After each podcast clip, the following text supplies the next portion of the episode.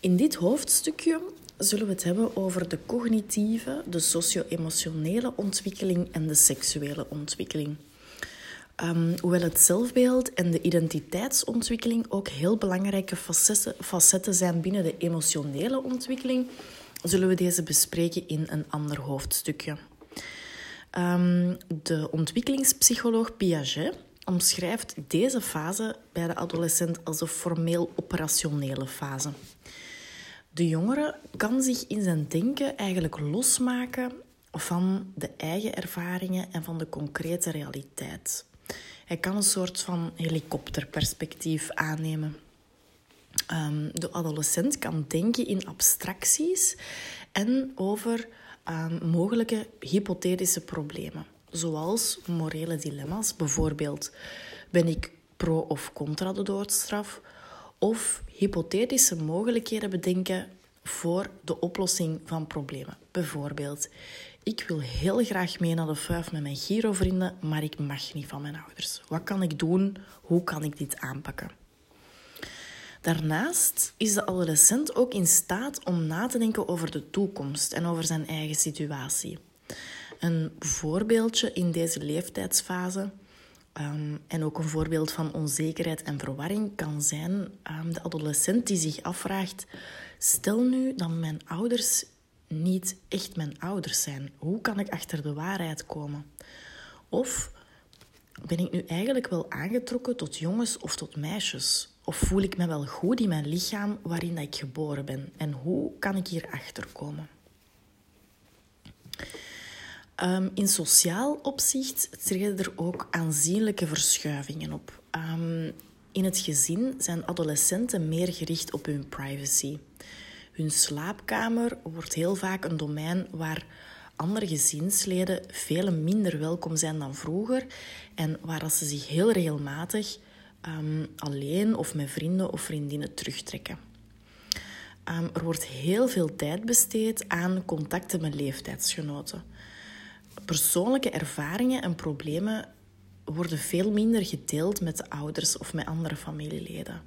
En daarom vervullen vriendschappen een heel belangrijke rol in het leven van de adolescent. Um, vriendschappen kunnen op deze leeftijd dan ook heel hecht zijn. Hè? Daarnaast maken adolescenten ook vaak deel uit van een grotere groep leeftijdsgenoten, de peergroep. Deze groepen worden meestal gevormd op grond van overeenkomstige interesses en opvattingen en die op hun beurt dan ook aansluiten bij gangbare stijlen binnen de cultuur van de groep of van de jeugd. Heel belangrijk wordt nu ook de interesse in de andere seksen of in dezelfde seksen en de seksuele ontwikkeling. De adolescent gaat ervaringen opdoen, ten eerste in het leggen van contacten en het maken van afspraakjes en het daten. En ook seksuele ervaringen komen over het algemeen in de loop van de adolescentie aan de orde. Um, de meeste 14- en 15-jarigen hebben nog geen ervaring met geslachtsgemeenschap, maar er zijn wel verschillen tussen groepen.